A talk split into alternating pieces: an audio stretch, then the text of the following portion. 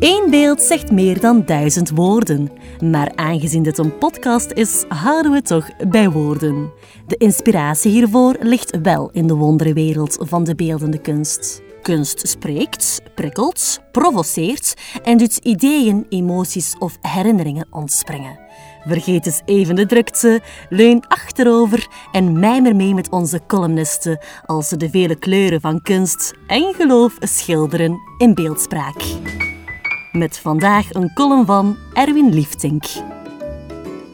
Enige tijd geleden was ik met mijn vrouw en haar ouders bij de Van Eyck tentoonstelling in Gent.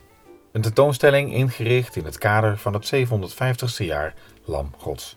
Voor de gelegenheid zijn er veel werken van de gebroeders Van Eyck verzameld en tentoongesteld samen met enkele verwante doeken van schilders uit diverse tijden.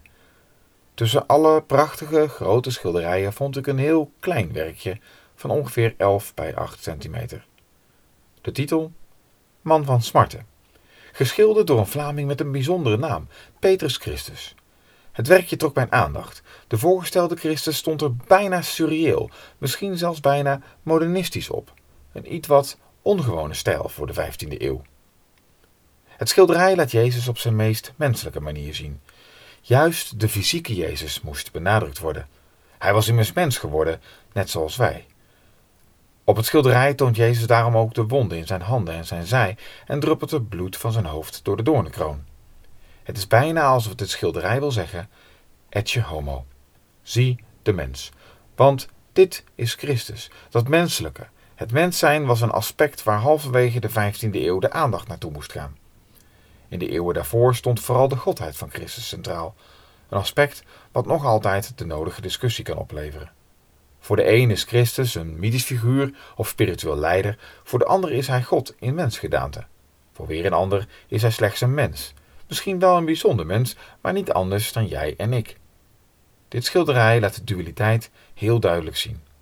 Christus is mens in zijn fysieke gedaante, maar ook God. Hoewel de menselijke aspecten en met name het lijden prominent naar voren komen, wordt Jezus hier tegelijkertijd ook als triomfator, als overwinnaar voorgesteld. De aureool boven zijn hoofd is bijna een kroon en de gordijnen verwijzen naar een vorstelijke entree. Het lijden wijst op de bekende kruisdood, maar hier staat de vrezen overwinnaar, koning Jezus. Op de achtergrond staan twee engelen. De ene heeft het zwaard van de waarheid of het zwaard van de gerechtigheid vast, wat verwijst naar de rechtspraak of het oordeel van de koning. De andere heeft lelies in de hand, wat een teken is van puurheid, reinheid en heiligheid. Alsof de beeldenis wil zeggen: deze mens is niet zoals enig ander. Er is nog een klein detail wat bijna niet opvalt. Christus staat met zijn benen in het water. Dit symboliseert de rivier de Jordaan, waarin Christus is gedoopt. Dat de schilder dit weergeeft voegt een extra dimensie toe. Hij verwijst daarmee naar de doop van zijn volgelingen. Voor de gelovigen is de doop een ritueel van inwijding. Door de doop maak je deel uit van de kerk. Dat het juist op dit werkje wordt weergegeven, laat de gelovigen inzien dat deze Jezus toch ook weer niet zo anders is. Christus biedt aan om zich te vereenzelvigen met jouw situatie. Hij komt als het ware naast je in het water, in het leven staan. Dit schilderijtje werd gemaakt rond 1450 en was bedoeld om mee te nemen op reis voor persoonlijke devotie. Zo kon je ook onderweg, ver van huis, je toewijden aan gebed. Elke dag even stilstaan bij dat menselijke aspect van Christus. Het is onduidelijk hoeveel reizen dit schilderijtje afgelegd heeft. Het kan door heel West-Europa zijn gegaan.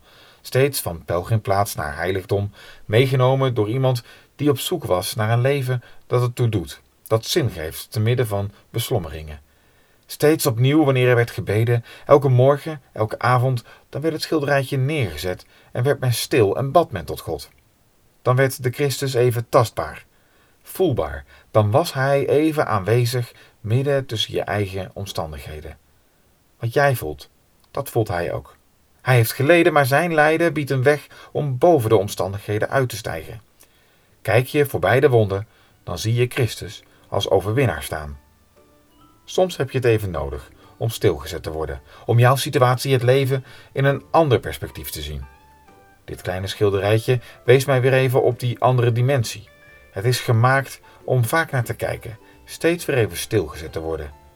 Zelfs na bijna 600 jaar slaagt het daar nog steeds in.